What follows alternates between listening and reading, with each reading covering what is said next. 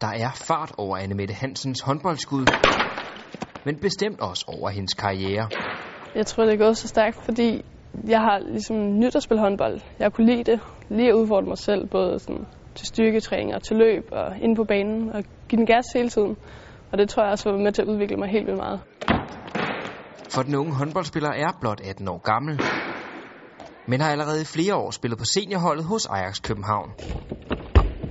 Jeg tror, det er fordi, jeg har arbejdet rigtig meget med det fysiske.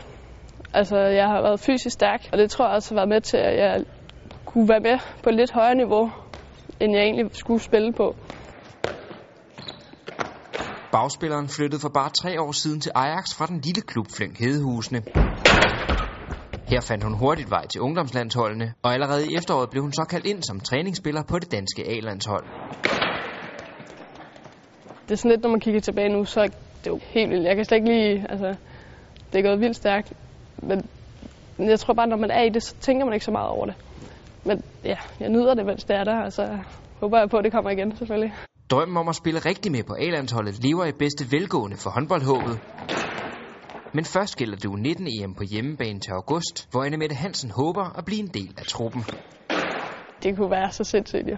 Fordi det er på hjemmebane, og det er de færreste, der har oplevet det. Altså, det kunne være så vildt. Og så håber jeg, at der kommer rigtig mange mennesker i hallen og støtter dem, der skal spille i hvert fald, fordi det kunne være så fedt.